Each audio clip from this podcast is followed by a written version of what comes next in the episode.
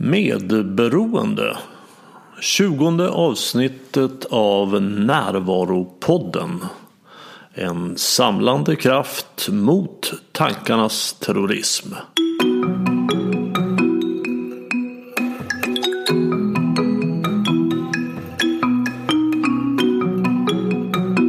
Det här är Bengt Renander och först vill jag berätta att det finns några platser kvar på föreläsningen om maskulint och feminint som jag håller den 4 oktober.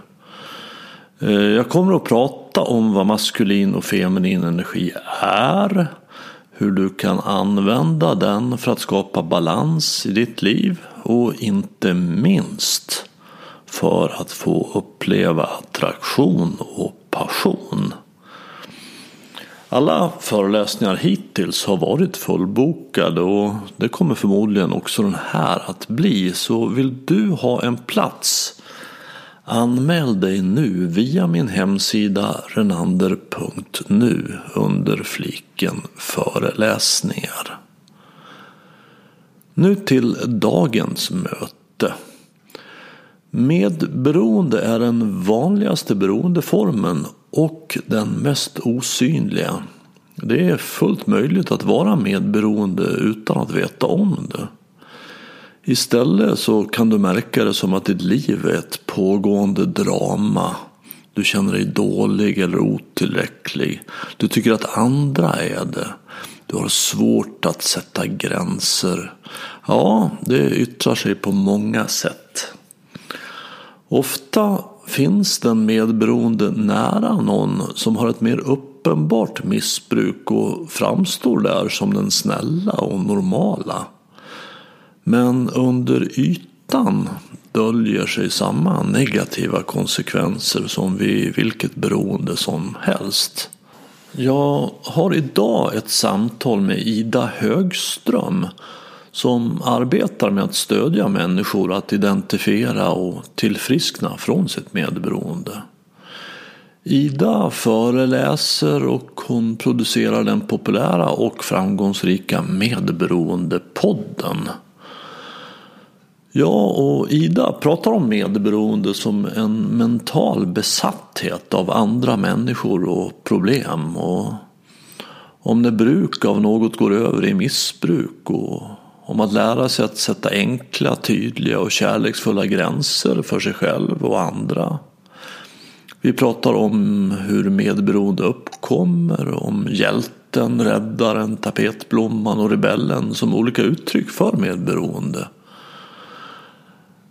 Vi pratar om medberoendes väg till utbrändhet och om att utgå från att alla gör sitt bästa.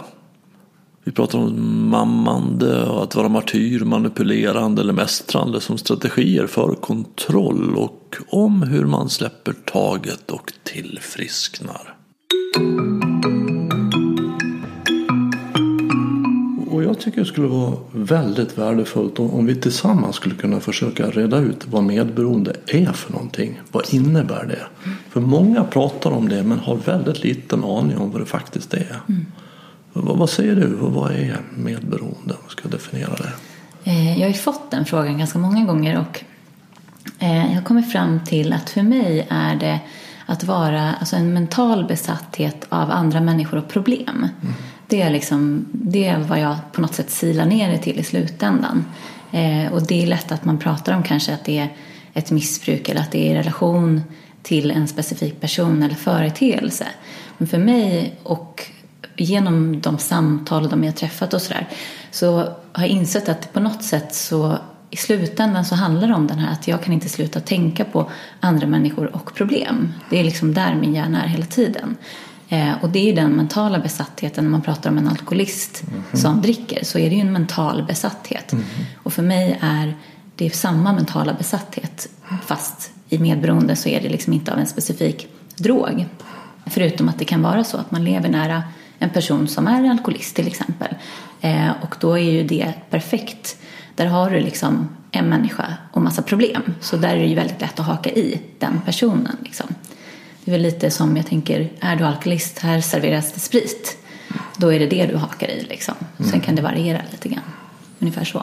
Mm, man brukar ju prata om alkoholism, att det består av tre delar. En fysisk allergi, mm. en mental besatthet och att det är en själslig sjukdom. Och den själsliga sjukdomen innebär att jag inte kan vara närvarande. Jag kan alltså inte känna det jag känner. Och den fysiska allergin innebär att jag får en onormal reaktion. Och den mentala besattheten handlar ju om att jag allt mer börjar fundera på närvaro och hur ska jag kunna få tag på alkohol. Men skulle du säga då att medberoende, där är, där är den mentala besattheten är liksom huvuddelen? Ja, alltså vad är problemet? Jo, att, det, att vi hakar i yttre saker hela tiden. Att det, ingenting utgår från mig som person utan det är hela tiden i relation till något annat eller något eller någon annan. Eh, det är där för mig kärnan ligger. Och men, mental besatthet, det kan ju vara... Jag brukar säga, när jag föreläser så brukar jag ta ett exempel sådär som eh, Ehm, jag är också med i tolvstegsrörelsen för mitt medberoende och då har man ju sponsier som man eh, har väldigt mycket fina samtal med. Eh, och där är det ju ett återkommande, vad kan man säga, eh, det är ett mönster som jag upplever alla medberoende som är på något sätt i uppstarten av sitt tillfrisknande så är man fortfarande så förankrad i andra människor och lever du till exempel med, vi säger en alkoholist i det här sammanhanget som är ute och super liksom. Eh, då ringer den här personen till mig och säger Åh, han gör så, varför kan inte hon, och ah, varför är det så här och nu är han ute och dricker och varför kan han inte bara sluta dricka och så här. Och då är det, för mig är det så här, stopp. Du kan inte sluta prata om den här personen och den personens drickande. Då måste du lägga till att den här alkoholisten dessutom har den här kemiska allergin, alltså att det finns en kemisk beroende dessutom. Så om du inte kan hantera din mentala besatthet, hur tror du då det är för alkoholisten? Och det är för mig en så här, där, där återigen, det är liksom kärnan i det, att så här, hur svårt det är för en medberoende att släppa taget om det som pågår utom, utanför en. Eh, och att det ofta är liksom hela tiden att jag knyter an att problemet ligger hos den som är beroende. Eller för den delen den som lider av psykisk ohälsa eller för den delen eh, den som är narcissist eller vad det nu må vara. Mm. Så, är det, så är det någonstans där eh, det handlar om att det är perfekt person eller en, en perfekt situation att lägga över liksom, eh, mitt mående i händerna på den personen som aldrig kan eh, bemöta det. Och det där är ju, det återkommer ju hela tiden som ett, som ett mönster. Mm upplever jag. Mm, och när jag har, har ibland klienter som kommer hit och de talar bara om sin partner. Mm, och då ringer en varningsklocka för mm. medberoende. Mm. Jag, jag har utvecklat ett sätt att tänka på det. Jag skulle vilja kolla med dig vad, vad du, hur, hur, du ser på det. Mm. Eh, och, för jag tänker så här först att ordet beroende är för mig egentligen inte så lyckat. För att vi är beroende av mm. mat, av kontakter, av att ta ett varmt bad emellanåt. Mm. Och, och, och, och strävan är inne, det finns ingen god strävan i att göra sig helt oberoende. Så att jag, skulle, jag tycker att ordet missbruk är ett mycket bättre ord egentligen. Och att då veta att allting som går att bruka mm. går att missbruka. Mm. Och hur vet jag när mitt bruk av något gått över i ett missbruk? Jo, ett bruk av något får inga negativa konsekvenser. Alltså om jag dricker ett glas vin på fredagen eller om jag oroar mig lite grann för någon emellanåt. Mm. Eller om jag äter en, en chokladbit. Ja, det går bra. Det ger inga negativa konsekvenser. Men om mitt bruk av något ger negativa konsekvenser fysiskt, psykiskt, socialt, ekonomiskt, en av dem eller flera kombinationer, mm. och jag trots det inte slutar. Då har mitt bruk gått över i ett missbruk. Exakt. Så att man får alltså titta på konsekvenserna. Mm. Eh, det är det ena. Och den andra delen är att jag, ser det här som ett träd. Mm. Som jag brukar kalla för missbrukarträdet. Mm. Som har många grenar. Och sågar man av en gren så växer det väldigt fort ut en ny. Mm. Så länge man rör sig upp i grenverket. Och jag tror att det är därifrån det uttrycket att summan av lasterna är konstant. Mm. Jag kommer ihåg en gång en, en alkoholist som hade slutat dricka. Alltså dagen innan han slutat dricka så träffade jag honom på lunchen. Då hade han på förmiddagen druckit sex en och en halv liters julmust. Mm. Det är nio liter julmust på förmiddagen mm. för sockret. Så att ska man göra någonting åt det här så behöver vi gå till roten av träden. Och vad är roten då? Jo, att jag förmår inte känna det jag känner. Jag ska känna något annat. Mm. Så vad den medberoende gör, för jag tycker för medmissbrukare låter så dåligt. Jag tror vi får använda det ordet ändå. Mm. Men vad den medberoende gör är att istället för att känna det jag känner så håller jag på med den här andra. Mm. Och den, den, den människors känslor och reagerar i förhållande till det. Mm.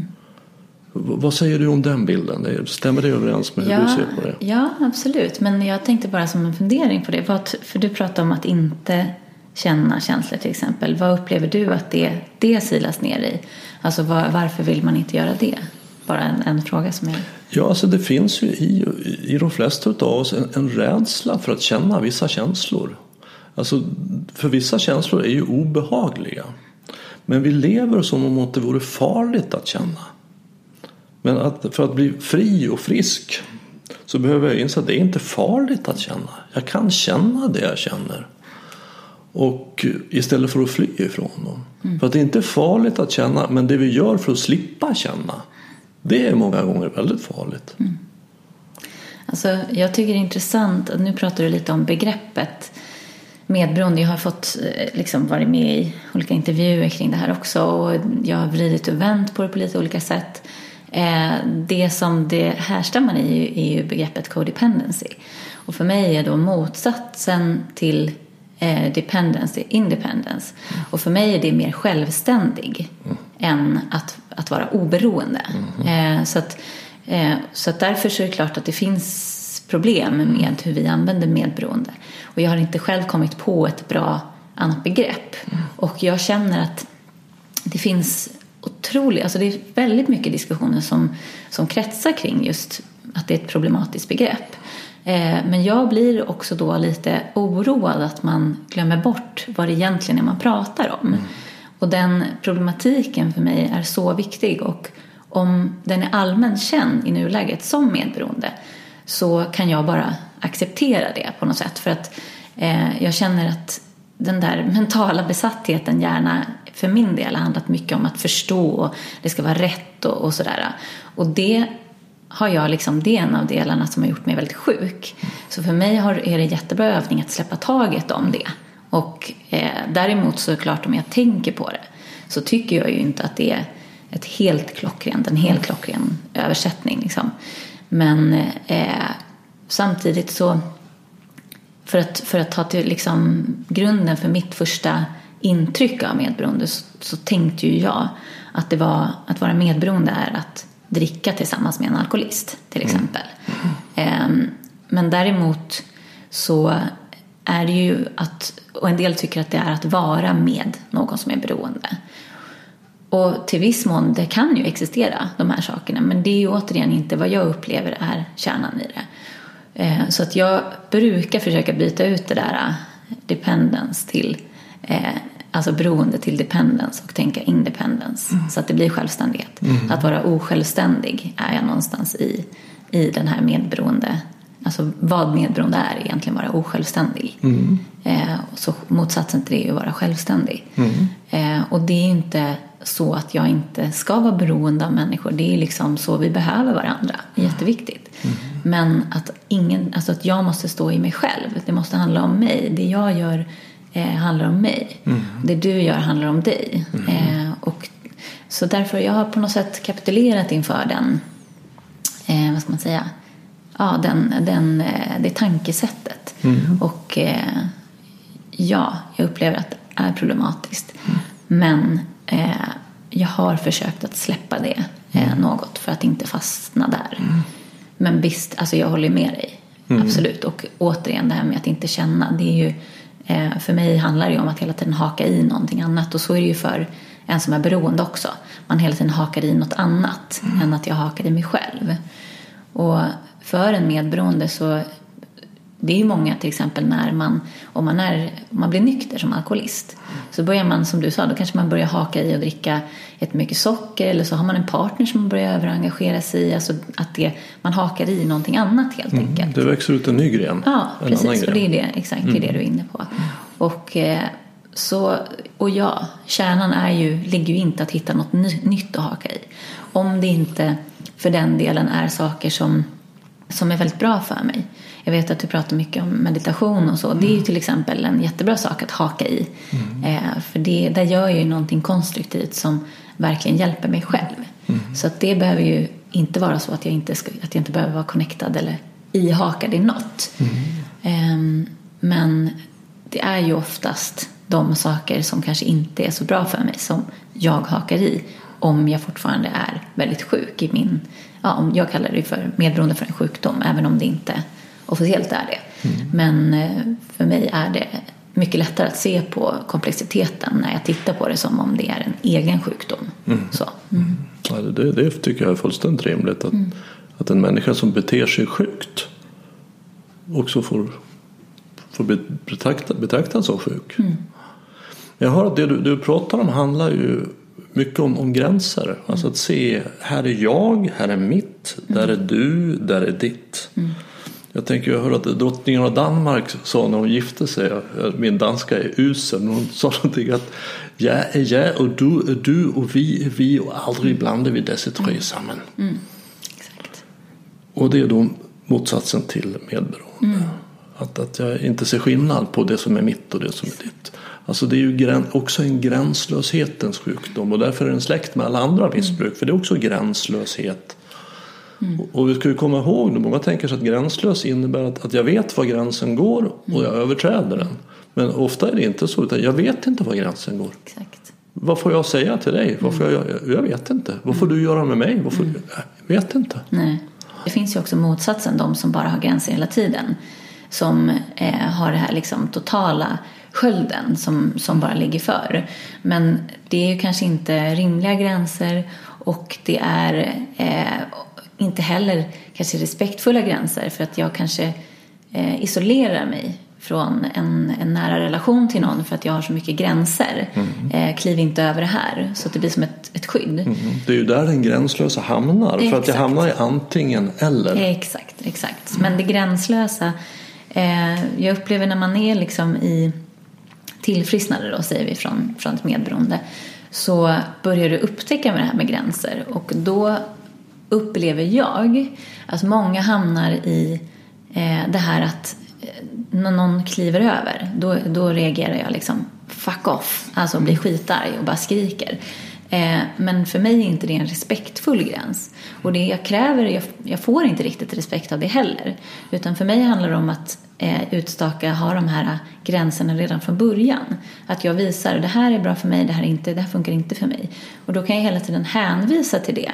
När jag väl eh, står i en situation där jag kanske på något sätt tidigare har etablerat att du, jag skulle önska att när du gör sådär så, eh, liksom, så sårar det mig eller, eller jag eh, upplever obehag när det är så eller eh, det är viktigt för mig att få de här timmarnas sömn, vad det än må vara.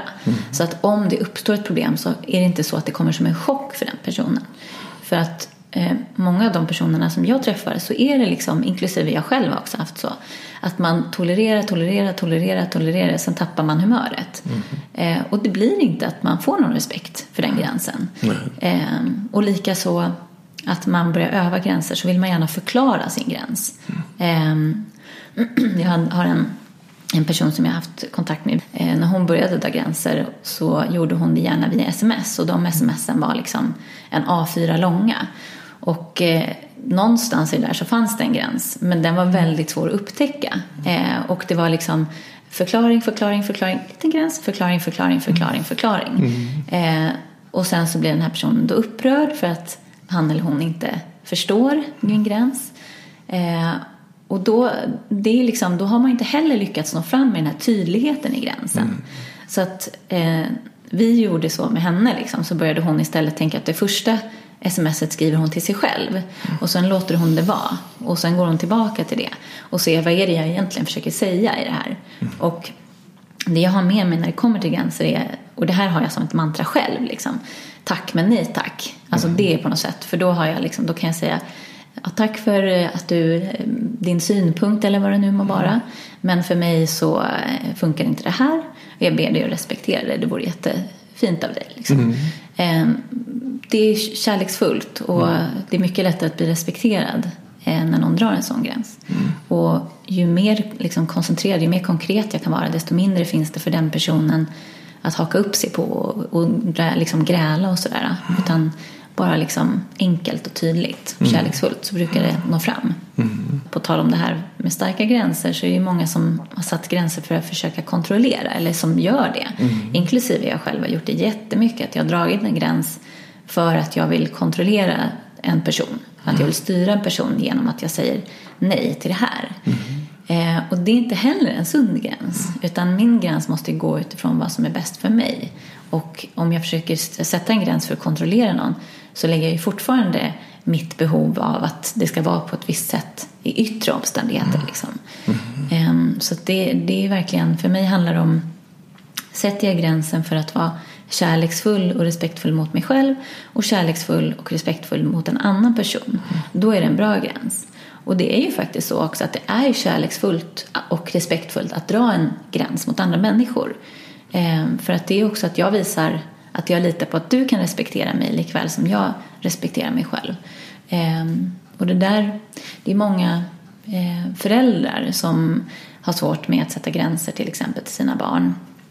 Ehm, vilket är förståeligt om det är en person, vi säger att det är en, eh, en pappa eller mamma som har en, eh, en dotter kanske som är heroinmissbrukare.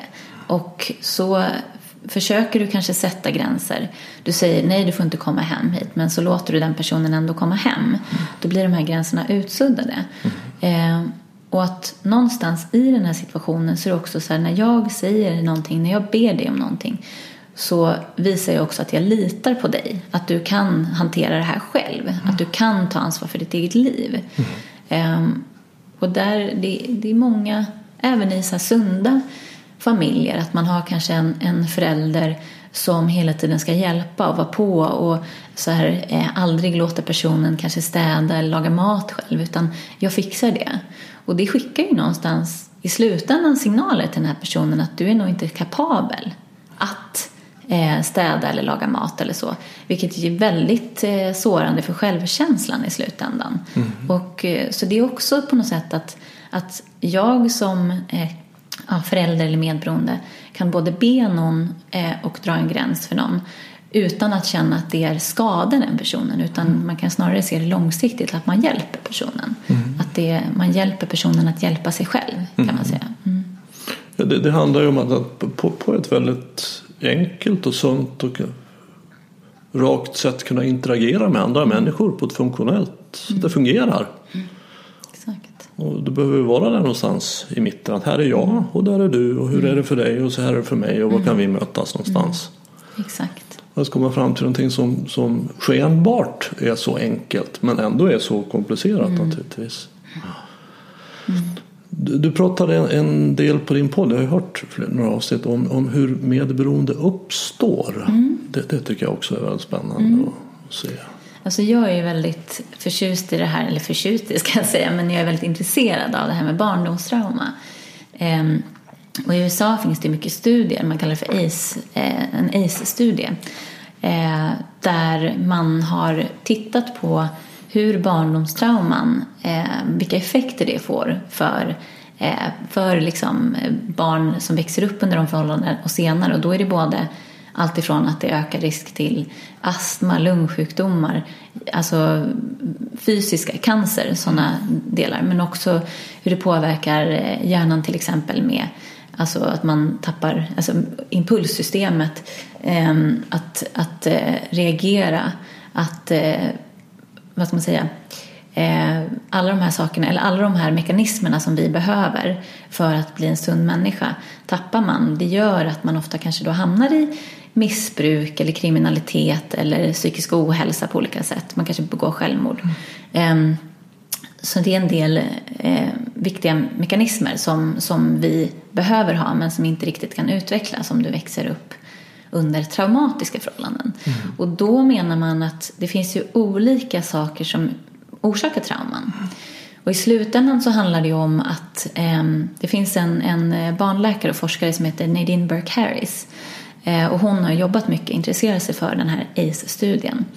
Och där pratar man om det här med den här klassikern med, med effekta, fly, eh, frysa.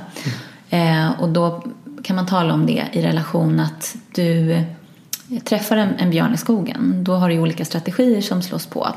Eh, och det kan vara att du till exempel eh, fryser till is, att du blir helt, du bara spelar död i princip.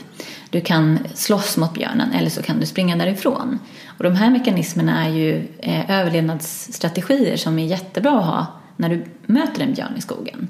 Men för ett barn som lever under traumatiska förhållanden så är det som att du kommer hem till den här björnen varje dag. Så alla de här eh, överlevnadsstrategierna är liksom aktiva hela tiden. Eh, och när, hon, när man säger trauma så är det inte så att man nödvändigtvis pratar om att du har blivit misshandlad. Utan det kan vara, det kan vara beroende. Det kan också vara eh, att man kanske har blivit utsatt för psykiska, fysiska eller sexuella övergrepp. Mm. Det kan också vara en isolering eller misär, alltså att man har ett väldigt skitigt hem eller eh, man, föräldrarna kanske inte riktigt släpper ut en och umgås med andra. Det kan också vara skilsmässa Eh, det kan vara ett dödsfall hos någon som är nära, en olycka, ett hus som brinner ner, krig och flykt. Eh, ger jättemycket, liksom jättestarka trauman. Eh, men det man med den här ACE-studien gör då, det är att man ger som poäng, så antar ju fler av de här eh, eh, traumatiska upplevelsen eller förhållandena du har, desto större risk löper du då för att drabbas av de här olika fysiska och psykiska och, ja, sociala problemen. Eh, och den, det tycker jag är jätteintressant. Eh, och sen har man ju det här med anknytningsproblematiken som, eh, som ja, är allmänt känt. Eh, och där handlar det ju således om att om jag eh, föds upp eller om jag eh, föds in i en familj, till exempel min mamma var alkoholist och bipolär och hon var ju väldigt upptagen med sina problem så att det fanns ingen där som kunde möta mina behov. Och då börjar jag som barn, utan att jag tänker ut det, så börjar jag anpassa mig. Eh, och där brukar man prata om kanske de här vanliga strategierna och det kan vara att du till exempel stänger av eller att du skriker jättemycket eller att du pendlar mellan det där med valens. Eh, men det kan också vara att du helt tappar dig själv på alla sätt och vis. Eh, och då har du ju med dig det här eh, beteendet. Du måste hela tiden känna av var din förälder är för att få så mycket av dina behov tillgodosedda som möjligt. Och det här har jag ju med mig eh, i resten av livet så att jag behöver hela tiden anpassa mig för att få mina behov tillgodosedda. Jag har inte lärt mig vad mina behov är och jag har inte lärt mig hur jag själv kan ta ansvar och, eh, och, och ge mig det jag behöver helt enkelt. Så att för mig är det tydligt att det handlar väldigt mycket om anknytning eh, i, i, grunden. Och eh, i och med att jag är van att ha en, en förälder, min trygghet är en dysfunktionell person. Så att det är ju vad jag kommer känna igen. Det är där mina strategier funkar. Så att för mig att söka mig till dysfunktionella personer och det då behöver det ju inte vara så att det nödvändigtvis är någon som är beroende. Det kan vara flera aspekter. Det kan vara eh, någon som är väldigt narcissistisk. Det kan bara vara eh, någon som är otillgänglig. Det kan vara psykisk ohälsa. Alla möjliga olika eh, aspekter. Så. Och eh, där är det ju som att man hittar hem och känner så här, wow, här, nu känner jag mig trygg. Och här vet jag precis hur mina strategier, hur jag ska göra för att få det här. Men jag kan ju aldrig få det, för att det är fortsatt en otillgänglig person som är helt upptagen med sin dysfunktion. Och det här är ju liksom för mig eh, en jätteviktig aspekt, för att många tror att nu är jag tillsammans med en beroende eh, och då utvecklar jag ett medberoende. Men för mig är det helt självklart att det här har jag ju, precis som du pratade om tidigare, med mig från barnsben. Och eh, fortsätter att söka mig till Tar jag bort alkoholisten så kommer jag förmodligen hitta någon annan dysfunktionell person eller en, en ny alkoholist.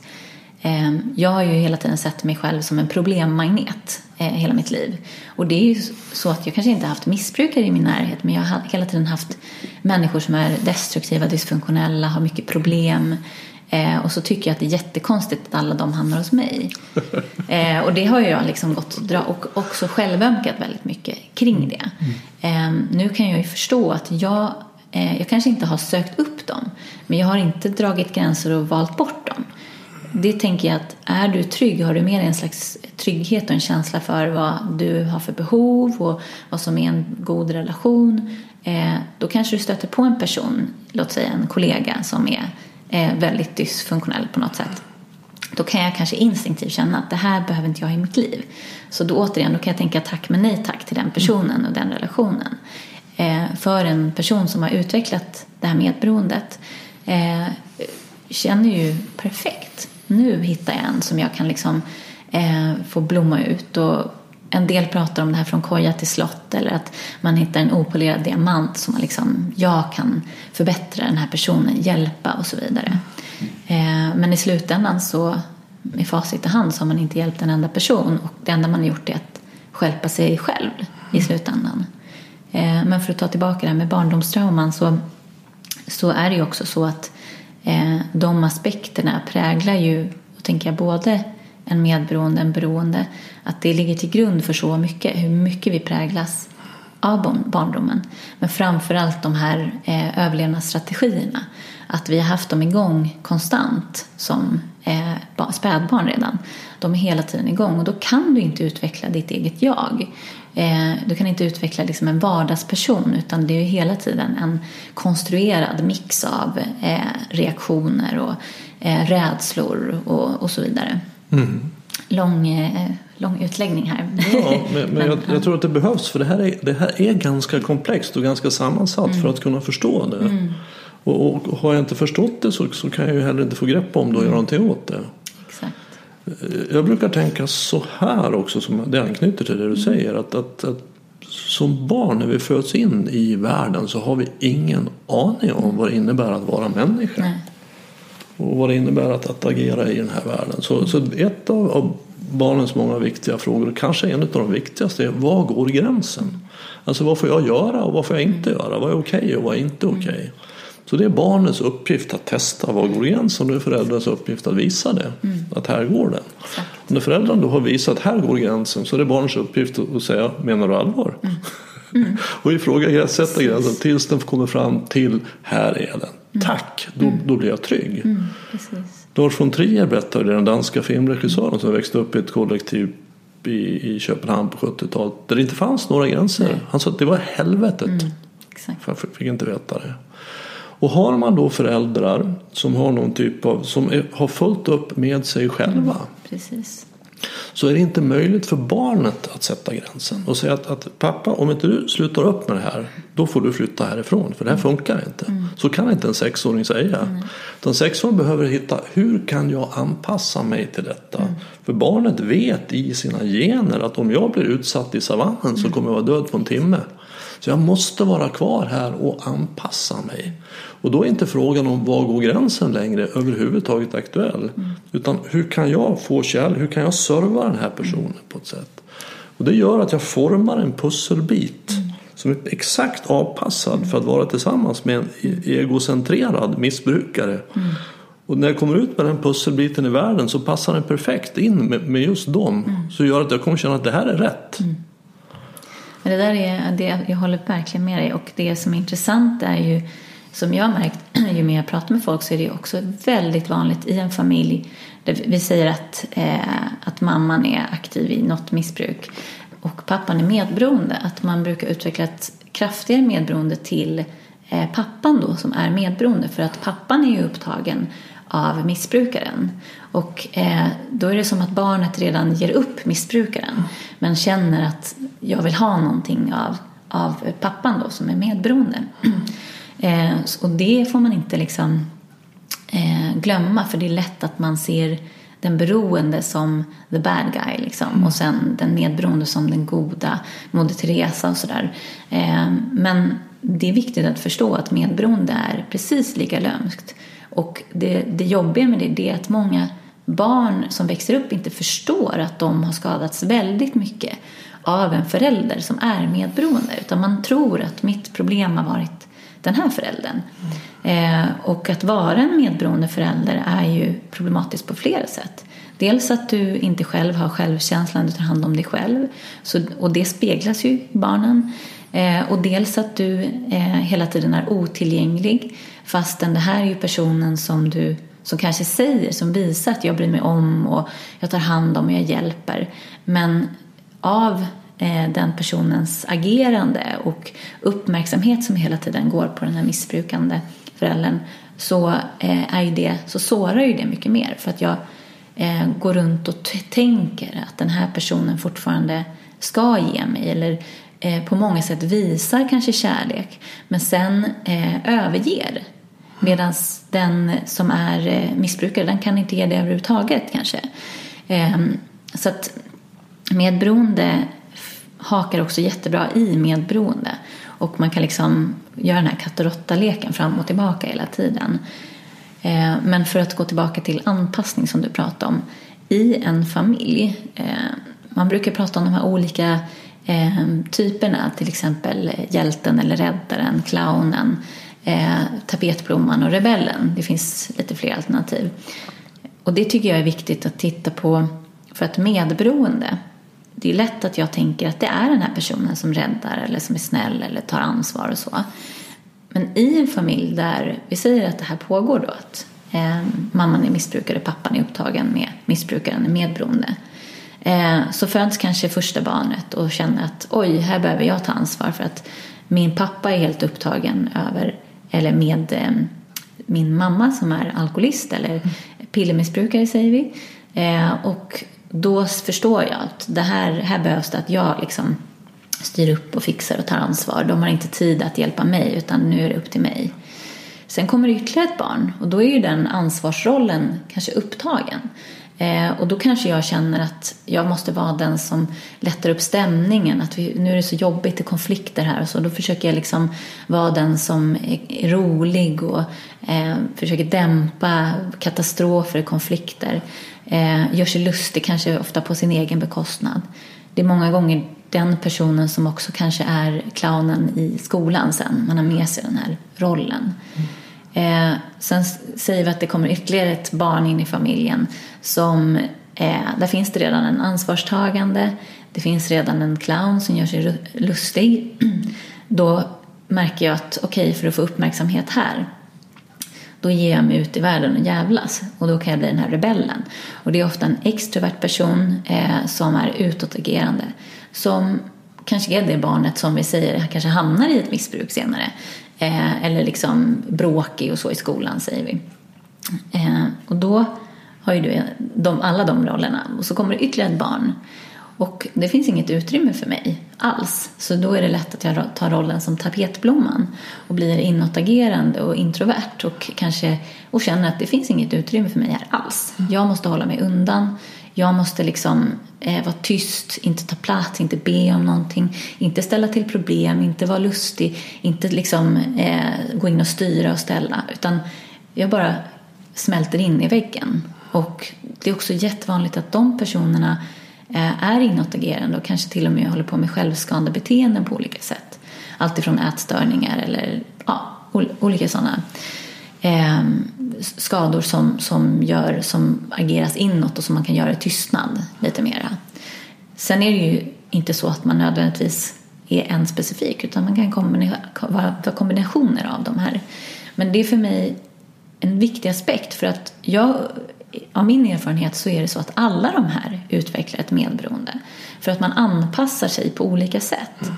Eh, och det som gör mig lite rädd där, det är att man ofta pratar om att den som är medberoende, det kanske är då, vi säger att det är den här räddaren då som man ser som är medberoende. Eh, och sen så ser man de andra, den ena, ja men hon har, henne behöver vi inte tänka på. Eh, den här, hon är så glad, hon är clownen. Och sen har vi rebellen, han är problemet eller hon är problemet eh, nu måste vi hjälpa den här personen ut och eh, liksom reda ut, oj nu har den skaffat sig ett eh, dåligt umgänge, då måste man dit och, och fixa och hålla på. Eh, men det är också en anpassning, det är också en, en form av medberoende. Eh, men det som också är vanligt i de här det är ju att den här första personen som är kanske hjälten då, eller räddaren som tar jättemycket ansvar eh, den är ofta den personen som man brukar prata om maskrosbarn mm. som sen har klarat sig bra och som så här, men dig, dig kan vi släppa taget om, det gick bra för dig, du klarar det här. Du kör på tills det går in i väggen. Mm. För att du kan inte vara stark hela tiden. Du kan inte prestera på topp hela tiden. Du kan inte rädda hela tiden. Du kan inte ta ansvar för allt och alla. Mm. Oftast tar jag inte ansvar för mig själv utan allt annat. Mm. Förr eller senare så leder det till en krasch. Mm. Och det är ofta då eh, som de här personerna kapitulerar inför sitt medberoende. Mm. Eh, och jag är en av de personerna, men jag har också haft eh, clownens beteende, tapetblomman, alltså jag har haft olika av de här delarna, men framförallt hjälten. Mm. Eh, och därför tycker jag det är så farligt när vi släpper taget om ett av de här barnen bara för att den inte utåt sett verkar ha problem. Den kanske gör superkarriär eh, men mår jättedåligt på insidan. Och det är ingen som bryr sig om att hjälpa den för att det ser ut som du klarar det hur bra som helst. Ja, för det är Så. väl det som är kanske det allra lömskaste mm. i just medberoendet. Att när man ser på det på utsidan så ser det väldigt funktionellt ut. Mm. Här har vi en bra och god eller rolig eller intressant Exakt. eller upprorisk eller mm. snäll, vänlig, omtänksam person. Och där har vi en dysfunktionell mm. person. Precis. Och det är väl det som är det speciella med just medberoende. Mm. Att, att det, det, finns liksom en dräkt mm. av normalitet. Mm. Precis. Och inuti där så finns dysfunktionen.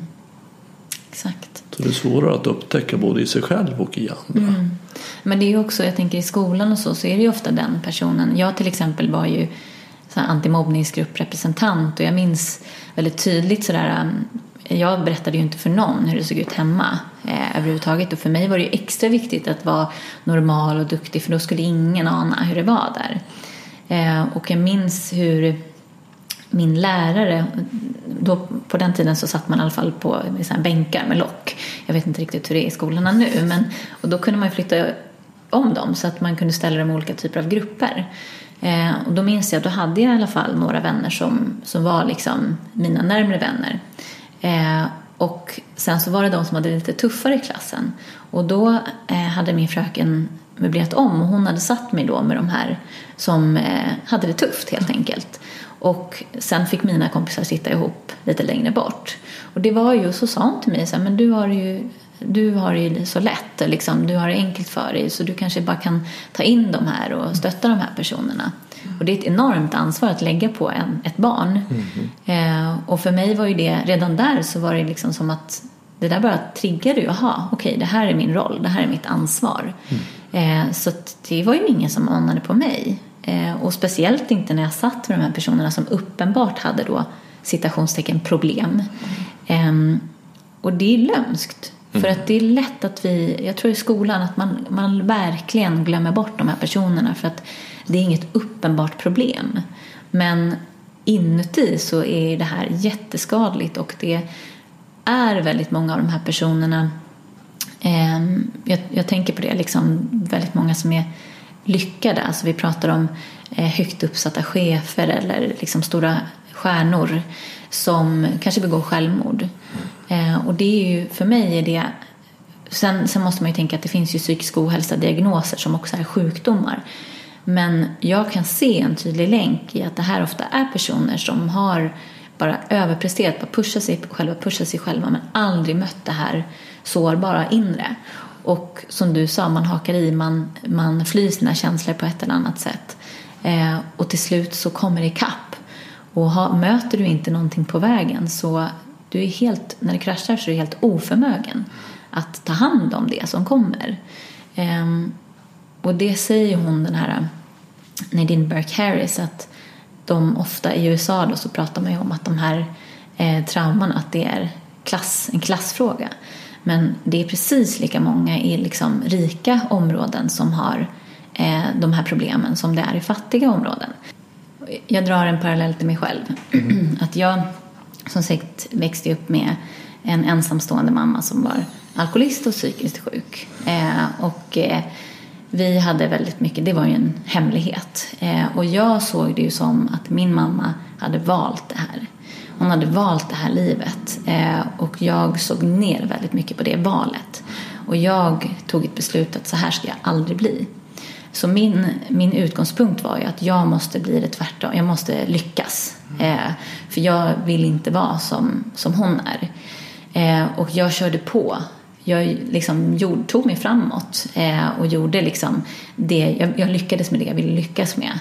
Eh, men så kraschade jag och eh, jag är också eh, bipolär. Mm. och det är ju så att stress hjälper till att utlösa mm. bipolär sjukdom till exempel. Så att jag kraschar ju. Eh, och jag börjar må dåligt. Och någonstans i det här så började jag också förstå. Hur gammal var du då Jag skulle säga att eh, jag hade egentligen små krascher. Liksom, men det var någonstans när jag var 25 som det kraschade liksom mer ordentligt så. Och det ledde till att jag också bröt kontakten med min mamma. För att jag tror att jag kände att jag hela tiden varit mamma till min mamma och mm. det fanns liksom inte någon möjlighet för mig att ta tag i mig så länge jag hela tiden var i relation till henne. Ehm, så för mig var det helt nödvändigt. Och det krävdes för mig att jag skulle ta mig till den punkten för att bli ödmjuk och inse att hon hade kanske inte ett val utan det här var sjukdomar. Och all, jag måste utgå från att alla människor gör sitt bästa utifrån sina förutsättningar. Eh, och det är hemskt tycker jag att jag var tvungen att vara med om det för att få empati. Jag var tvungen att ta mig in i skiten själv för att kunna förlåta. Och jag önskar att det inte skulle vara så. För att det är hemskt tråkigt att alla människor måste drabbas av skit för att kunna eh, bli ödmjuka. Mm. Men eh, samtidigt så är jag också just därför tacksam att jag hamnade i det där. För det har gjort mig mer ödmjuk inför människors ofullkomligheter. När jag började förstå hur sjuk jag var i mitt medberoende eh, så började jag också kunna släppa taget om de som var eh, beroende till exempel i min omgivning och fokusera på min problematik, ta hand om mig. Och ju mer jag har tagit hand om mig, ju mer jag har insett min mänsklighet, desto lättare har jag haft att se andra människors mänsklighet och andra människors sjukdomar det har gjort mig ödmjuk och jag mår så mycket bättre av att vara ödmjuk mm. än att vara dömande. Så att det, nu är jag tacksam för alla de problemen men jag skulle önskat att jag skulle kunna fått med mig den inställningen redan från början. Mm. För jag är helt säker på att det skulle fått mig att må bättre mm. eh, under min resa. Det du säger påminner mig om någonting som, jag, som är sant och man kan säga tyvärr men, men det verkar vara så att, att smärta är vår allra bästa lärare. Mm. Precis. Det finns ingen bättre lärare. Mm. De jag träffar på som går på den här vägen mot mer mm. medvetenhet och närvaro. Det som förenar oss mm. i grunden är att vi har alla haft tillräckligt med smärta. Mm. Precis. Nu får det fan vara nog. Precis. Jag vill ha något annat här. Det, och det verkar finnas något annat där. Mm. Så att, ja, tyvärr kan man väl säga, men, mm. men det verkar vara så det är ordnat. Att vi, smärta är den bästa läraren. Men det är också fantastiskt upplever jag till exempel i de här om man tar tolvstegsprogram till exempel, att där är det väldigt tydligt att det handlar inte om klass, etnicitet, kön eller sexualitet eller någonting utan där är vi alla lika inför den här problematiken.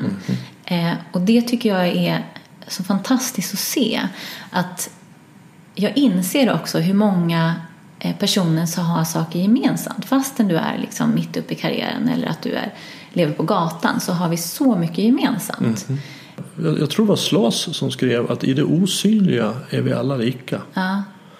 Så det finns någonting i oss människor som förenar oss. Och, och det här som vi pratar om här, medberoende, hur vi hanterar våra känslor och hur det är att känna, mm. hur det är att vara människa helt enkelt. Mm. Det är ju någonting som förenar oss. Mm. Vi har alla en gemensam erfarenhet hur det är att vara människa. Eller gemensam, den är väldigt olika men vi behöver alla erfara det på mm. något sätt.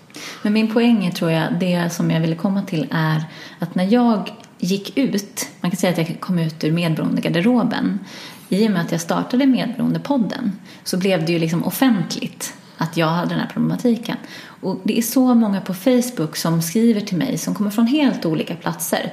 Som bara, det här är jag också, det här är jag, så här har jag haft det, så här är jag. Eh, och här har jag gått och trott att vi inte har någonting gemensamt, vi är så olika och ingen har det som jag har det. Mm. Eh, och det har gjort så mycket. Dels har jag kunnat acceptera mig själv mycket mer. Men det är också fantastiskt för att just det här att se människor som jämlikar. Att ju mer vi går runt och håller tyst, ju mer vi går runt och döljer och ska liksom bygga upp en yta, desto mer lider vi av det. Runt varje beroende då så finns det fem, fyra till fem anhöriga, varav minst en av dem utvecklar ett medberoende. Men om man då adderar alla de här olika aspekterna så borde det vara typ två tredjedelar av Sveriges befolkning som har medberoende på ett eller annat sätt. Eh, och då är det för mig så här, vi är så lika, alltså vi har så mycket gemensamt. Eh, men ändå så lägger vi så mycket energi på att gå runt och söka olikheter och jämföra oss med det vi ser till ytan. Och det, den här aspekten att när jag talar om mitt så börjar andra människor tala om sitt. Alla de här beroende eller missbrukssjukdomarna är ju ensamhetens sjukdomar. Mm. Alltså, Precis. Så fint att få gemenskap. Men, men jag tänker på det, alltså två tredjedelar. Alltså, om vi ser medberoende som någonting som kommer av mina föräldrars oförmåga att känna det de känner mm. och deras strategier för att slippa göra det och, eh, och deras oförmåga att, att kunna relatera kring mm. sina känslor mm. så är det ju otroligt få av oss som har vuxit upp med närvarande medvetna föräldrar. Alltså kan det vara ens en procent? Så, så, att, att de flesta, och jag tänkte också på det när jag lyssnade på din podd, de, de flesta utav oss, jag skulle säga, jag skulle tro att det betydligt fler än två tredjedelar, har någon form av medberoende Absolut. koppling. Absolut. Så det är, det är kanske den vanligaste mm. beroendeformen av alla. Vilket då leder över till, till, till nästa område som jag skulle prata med dig om och det är okej, okay, om du, du och jag har rätt så är 99 procent av de som lyssnar på det här är mm. medberoende mm. i någon form mm. och det får konsekvenser i deras liv. Mm. Hur tillfrisknar man? Och för mig har det handlat jättemycket om först att identifiera vem jag är, eh, mina behov och när jag vet vad jag har för behov så kan jag mycket lättare sätta gränser. Eh, och det har handlat för mig jättemycket om att rannsaka mina motiv hela tiden när jag handlar. Alltså sätter jag en gräns, gör jag det för att jag önskar ett resultat av den här personen? Eller gör jag det för att det här är viktigt för mig och mitt inre? En klassiker för mig när jag kanske håller upp en dörr åt någon och så säger inte den tack och då blir jag så här, jag säger inte tack för. Men då har ju inte jag givit den här personen någonting för att vara generös och för att jag vill ge någonting. Utan det har jag gjort det för att jag vill ha ett tack. För att jag vill känna mig lite bättre med mig själv. Mm. Eh, och det där är hela skillnaden för mig. Att när jag kan osjälviskt ge saker av kärlek till andra människor. Eh, det blir också, det, det där blir liksom som en självuppfyllande profetia. För att ju mer jag gör osjälviska handlingar desto mer börjar jag också tycka om mig själv. Och jag behöver verkligen titta på mig själv som om jag är min förälder, det där som jag inte fick som barn. Att, vad har jag för behov? Jag kan börja titta på liksom, de mänskliga behoven men sen kan jag också börja titta på eh, vad är viktigt för mig? Alltså, jag kanske mår jättebra om jag får vara kreativ. Eh, jag kanske vill måla jättemycket, då mår jag bra. Att försöka få in så mycket av de, de aspekterna eller de delarna i mitt liv. Det finns inget tillfälle som jag mår så bra som när jag känner tacksamhet och närvaro. Mm -hmm. Och det hänger ihop. Jag tänk, kommer att tänka på ett uttryck som, som jag tycker är väldigt bra och det är att självisk är inte den som gör som hon själv vill. Mm. Utan självisk är den som kräver att andra ska göra Exakt. som hon vill.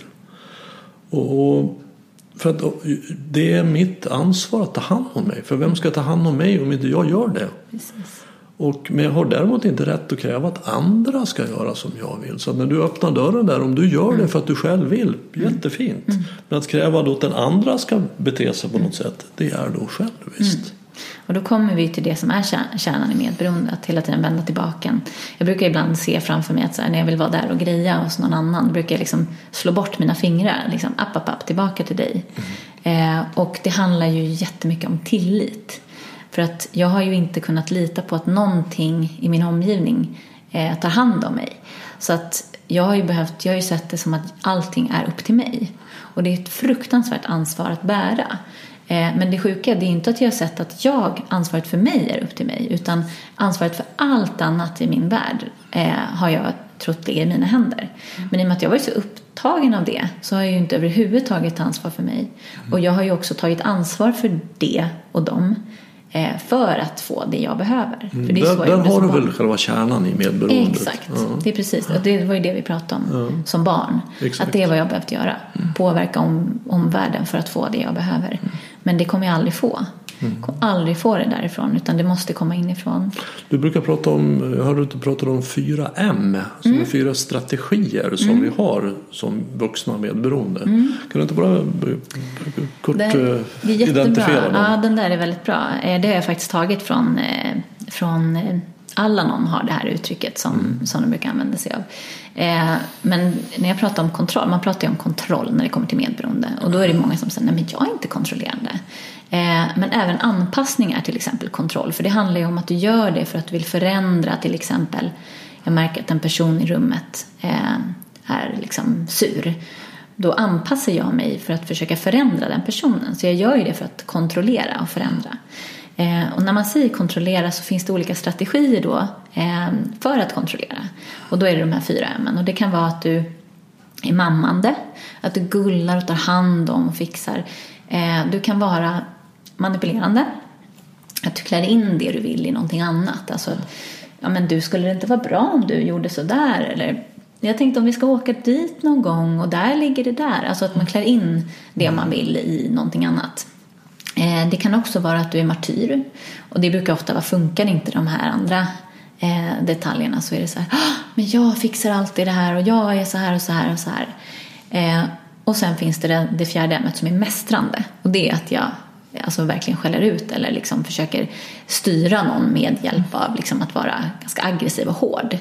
Och det är jättevanligt att medberoende parerar mellan de här fyra. Och alla är ju egentligen eh, strategier för att kunna kontrollera. Och varför jag kontrollerar är ju för att jag måste ha det på ett visst sätt för att jag ska kunna må bra. Ehm, och det är ju liksom, det är det som är hela dödsdomen i det här. Att jag, kommer, jag kan inte påverka andra människors situationer utanför mig själv. Den enda jag kan påverka är ju vad jag eh, gör och vad jag tänker i form av att vad jag styr mina tankar in på och så vidare. Eh, och det här med känslor som du pratade om. Att va, känna men inte vara känslan utan jag måste låta den komma över mig, eh, ta in den och sen kan jag släppa den. Mm, jag har känslorna med är de inte. Exakt, precis så. Och det innebär att jag behöver få kontakt med en del av mig Mm. som har känslan också. Och det är ju den delen som jag kallar mitt själv. Mm, Och känslan lägger jag ju då i egot. Mm, precis, där har du egot. De här strategierna är ju då för att, att jag inte är trygg, jag är rädd. Mm, och det är precis som du säger att tillit är antidoten. Det är det som, som kommer hit att jag kan känna mig, ha tillit till det som, händer, till det som händer. För att kunna komma dit så måste jag släppa världen fri att vara som den är. Precis. Eh, Och, jag vet ju inte hur, hur det kommer att bli. Men jag, jag, jag behöver inte försöka kontrollera för det är ju en hopplös uppgift. Man har ju att göra hela tiden om man nu ska kontrollera vad andra ska göra och vad som ska hända runt om. Och det är också att sätta mig på en platå där jag på något sätt tror att jag är Gud. Att jag vet vad alla andra människor... Hur ska jag... För det första så brukar det vara min första insikt när man kraschar i medberoendet. Att jag har trott att jag vet precis vad alla andra behöver och så vidare. Men när jag tittar på mig själv så har jag ju gått och mått dåligt hela livet i princip. Så om jag inte ens vet vad jag själv behöver, vad, hur ska jag då kunna veta vad alla andra människor behöver? Eh, och jag minns när man pratade om släppa taget säger man. Och jag tänkte bara, men herregud, då kommer ju hela världen rasa om inte jag är där och fixar och hjälper och så vidare. Och det, då slog det mig det här egot. Att liksom jag var så upptagen med eh, min... Och det här är ju så, det är, det är det som är det ironiska. Att mitt ego har varit upptagen med att allt är upp till mig, att jag har den makten över andra människor. Eh, samtidigt så har ingenting skett av kärlek utan egot har varit upptagen av rädsla. Eh, precis som du sa. Agerar jag för att jag är rädd eh, då blir resultaten aldrig bra. Men agerar jag för att jag vill göra det av kärlek till mig och till andra människor eh, då är motivet rent och då brukar det bli bra. Du måste välja att lita. Nu släpper jag taget. Nu väljer jag att lita på att saker och ting blir precis som det ska. Eh, Det är därför man inom tolvstegsrörelsen, man pratar ju om högre makt. Det är inte så att det är religiöst, att det ska vara någon gud, utan det handlar om att jag måste ha tillit till universum eller någonting, att någonting annat är större än jag själv och kanske ha lite mer koll på vad som pågår. Ehm, Det är ju helt ironiskt, det är helt galet jag skulle tro att jag vet. För jag kan inte se längre än vad jag är här och nu. Jag har ingen aning vad som kommer nästa minut eller eh, vad den personen har varit med om som går in i mig eller vad det nu kan vara. Mm. Jag, tänker ju att, att eh, jag är inte religiös, jag är ateist till och med. Mm. Men, men det, högre makt, det översätter jag med verkligheten. Mm. Alltså det finns någonting större än mig, ja, verkligheten. Och som jag behöver anpassa mig. Mm. Så att det finns någonting i det här som vi pratar om. Att, att, att gå ner på knä, Mm. att ge upp i min kamp emot verkligheten. Ske din vilja, Mm. inte min. Precis. Så att istället för att jag ska föra i dansen med verkligheten. Och den följer inte som jag Nej, vill. precis. Så ger jag upp, okej. Du får föra verkligheten. Hur kan jag följa här på ett sätt som blir konstruktivt för, mig och för oss alla. Och det är ett helt annat sätt att leva på. Medberoende, som vi sa, det är en mental besatthet av andra människor och problem. I början så är det svårt att bara ta bort den mentala besattheten så jag behöver liksom bli mentalt besatthet, besatt av sånt som är bra för mig. Eh, och där är det ju olika. Alltså, jag behöver till exempel med behov, gränser, lära mig be om hjälp, acceptera både situationer och personer och även mig själv som jag är. Eh, jag måste ta beslut som i, i det långa loppet är bra. Eh, ofta har ju jag tagit ett beslut i stunden för att undvika kanske en konflikt här och nu. Men i slutändan så blir det eh, bara sämre och sämre för mig. För att när jag fortsätter på det sättet så styrs jag av rädsla hela tiden och Eh, jag har ingen möjlighet att må bra. Jag har bara möjlighet att undvika eh, stundens liksom, obehag. Och det är också det, att hela tiden att våga tänka större, zooma ut till det större perspektivet. Eh, det är kanske jobbigt att dra en gräns för att du kanske får en negativ reaktion. Men återigen, det är en känsla och den går över. Och eh, om du aldrig har dragit gränser tidigare så är, krävs det övning. Alltså du behöver dra små gränser hela tiden. Vad vi gör är att, det. att, att vi låter bli att dra de där gränserna. För det finns en känsla som jag inte är beredd att känna. Mm, precis. Och därför gör jag det här istället. Och det är precis som en alkoholist. Det finns en känsla jag inte är beredd att känna och därför gör jag det här. Jag tar det här. precis. Och där är ju verkligen likheten.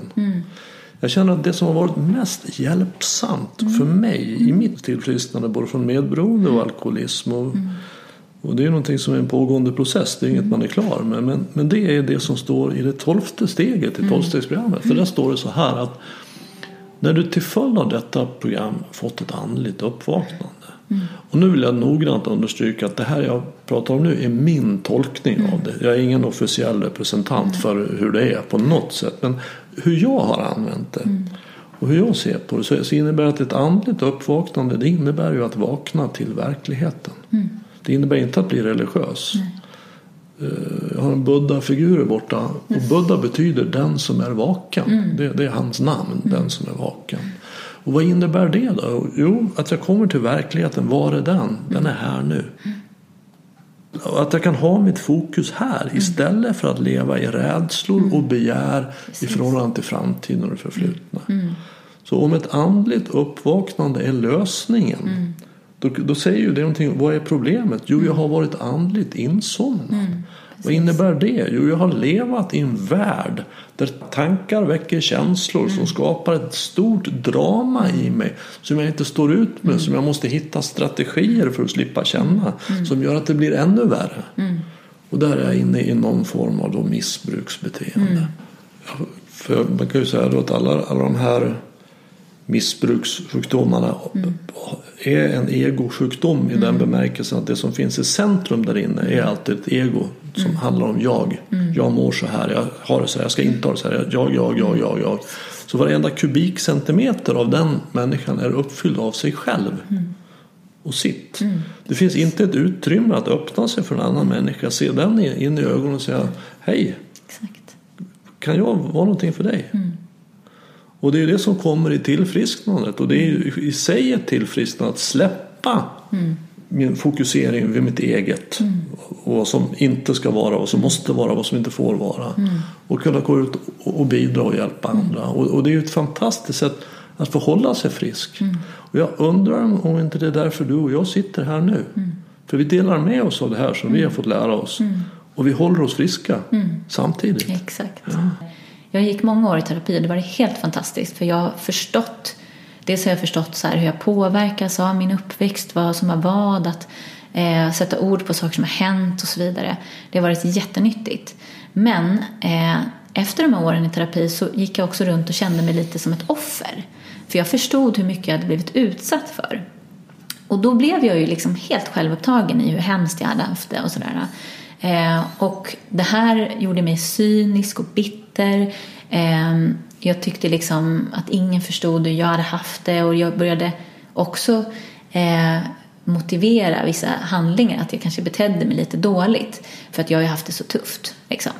Mm. och jag mådde bara sämre av det. Men det jag, när jag kom till det här tolvstegsprogrammet då så upplevde jag att det var något helt annat. Dels så började jag titta på mig själv då. Eh, alltså att jag insåg att jag har ganska mycket problem. Alltså nog för att jag inte har valt min uppväxt. Så jag har gjort massa val eh, längs min resa som inte har varit varken för mitt eget bästa eller andras bästa. Och att börja titta på mig. Alltså jag trodde att jag, bara, jag har koll på läget. Jag vet precis hur jag funkar och så vidare. Men eh, jag hade egentligen ingen aning. Och jag började förstå liksom, det komplexa med medberoende och hur mycket jag har hållit på med. Eh, man gör ju inom det här steg fyra så gör man ju liksom en inventering, en rannsakan av sig själv. Och det var ju då jag, det är liksom egentligen min bästa, den bästa gåvan jag har fått. För jag har förstått att jag är inte heller maktlös över hela mitt liv. Alltså jag har ju varit styrd av andra människor som jag är maktlös över. Eh, men i det här så började jag se att så här, jag har faktiskt jag, jag, är inte helt maktlös över allt. Men oftast för mig så har det inte handlat om eh, att jag ska styra och ställa, alltså att det är min makt, utan min, mitt agerande för tillfrisknande har snarare varit ett tvärtom. Alltså att ge upp behovet av att veta allting, för det för mig ger mig kontroll och det gör mig inte lycklig. Alltså släppa taget. Mm. Att acceptera andra människor som de är, att acceptera andra människors, oh, andra människors ofullkomlighet. För jag har också insett att jag är människa med brister och fördelar. Eh, och sen det här att dra gränser. Men jag drar sunda gränser. Jag drar gränser för vad som är kärleksfullt och respektfullt. Jag måste ibland agera som om jag är en vän som säger åt eh, alltså att jag säger åt min vän någonting och så är jag själv vännen. Mm. Det som ligger i min makt. Det har egentligen varit ganska mycket att släppa taget. Och det ligger i min makt att jag väljer att agera som jag släpper taget. Jag lämnar över till verkligheten som du sa att det ska bli precis som det ska bli. För jag har faktiskt ingen aning vad andra människor behöver för sin resa. Lev och låt leva brukar man säga. Liksom. Du, lev ditt liv, jag finns här eh, och så ska jag försöka leva mitt liv. Mm. Och samtidigt så kan vi ge varandra eh, massa fina saker. Men det måste komma från jag ger till dig, du ger till mig. Och inte att jag kräver att du ska ge till mig eller sådär. Det som händer där ute i verkligheten är jag i väldigt hög grad maktlös mm, inför. Exakt. Men hur jag förhåller mig Precis. till det som händer där ute, det kan jag i väldigt hög grad påverka. Precis, exakt. Att det som jag inte kan styra över, eh, det ger jag upp. Eh, sen så börjar jag lyssna på mitt hjärta istället för mina rädslor och tänker eh, att jag behöver agera kärleksfullt mot mig själv. Och då blir jag också kärleksfull mot andra människor. Jag blir förlåtande. När jag är förlåtande mot mig så blir jag förlåtande mot andra människor. Eh, så det är återigen det jag gör med mig själv, hur jag behandlar mig själv. Det avspeglar sig på hur jag är mot andra. Och eh, när jag är rädd så, så håller jag på och styr och då skickar jag liksom, gör andra människor rädd, rädda. Mm. När jag är dömande mot mig själv så dömer jag andra personer. Ehm, så det är också, jag måste ju öva på det motsatta hela tiden. Mm. Det, det, är smittsamt. Mm. Både egodrama är smittsamt mm, och om jag är mig själv närvarande det är också smittsamt. Mm. Och... Återigen, jag har de här tankarna att jag tack men nej tack, bort med fingrarna, sätt dig och åk med, bidra till livets flod. Ehm, så fort jag börjar fokusera på problem vad har det varit som har varit bra idag istället? Vad har jag varit tacksam för? Mm. Så att jag liksom hela tiden övar mig på det som jag inte har fått med mig som barn. Jag liksom, det är ju så med allt. Vi kan inte vara bäst på det. Man kan inte vara bäst när man sätter sig och mediterar första gången. Mm. Utan det krävs övning. Att göra det enkelt. Liksom. Mm. Ehm, för mig typ med meditation och så, så har jag sett det som att det måste vara ett rum och det måste vara så här och sen ska det vara tända ljus. Och då är det omöjligt, det kommer jag aldrig göra det. Utan där jag är just nu kan jag göra det. Mm. Um, så att gör det enkelt så att jag gör det. Mm. Så. Man behöver inte avsätta tid för meditation. Nej. Nej. Det ska verkligen inte vara perfektion utan det handlar om att jag gör någonting kärleksfullt till mig själv. Ja, det, det, finns ju ett ganska roligt uttryck som säger att, att nu tror inte jag på Gud men det är ett bra uttryck i alla fall att, att det är ett bevis på att Gud har humor. Mm. Att han har lagt in perfektion mm. som en del i alla de här missbrukarsjukdomarna. Mm. Det finns inga som är sådana perfektionister. Nej. Ja, det är verkligen mm. ironiskt. Så att tillfriskna är precis det du säger, att gå ur perfektionen. Mm. Vara människa. Alltså jag eftersträvar ju att liksom bli en bättre människa och med det menar jag att tycka om mig själv, agera mer kärleksfullt och så vidare. Eh, men jag kommer aldrig bli perfekt i det och det är det som är fina, att det är ju också att hela tiden leva, att hela tiden vara i den processen. Mm. Det är det som är spännande, det är det som är livet. Ehm, och jag har ju innan alltså hela tiden, jag tänker om jag har gått till gymmet liksom, då måste jag ju vara bäst på en gång. Mm. och sen kanske jag vi säger att jag börjar gymma och så bygger jag upp mina muskler. Och sen känner jag men nu, jag, nu är jag bra, då behöver jag inte göra det här på ett tag. Och så tror jag att jag ska gå tillbaka och vara på topp igen. Men det är hela tiden. Det är någonting dagligen som jag måste hela tiden hålla igång. Mm. Andlig spänst. Andlig spänst. Mm. Då mår jag bra. Så är det. Okej. Okay. Mm. Tack. Tack så mycket. Tack.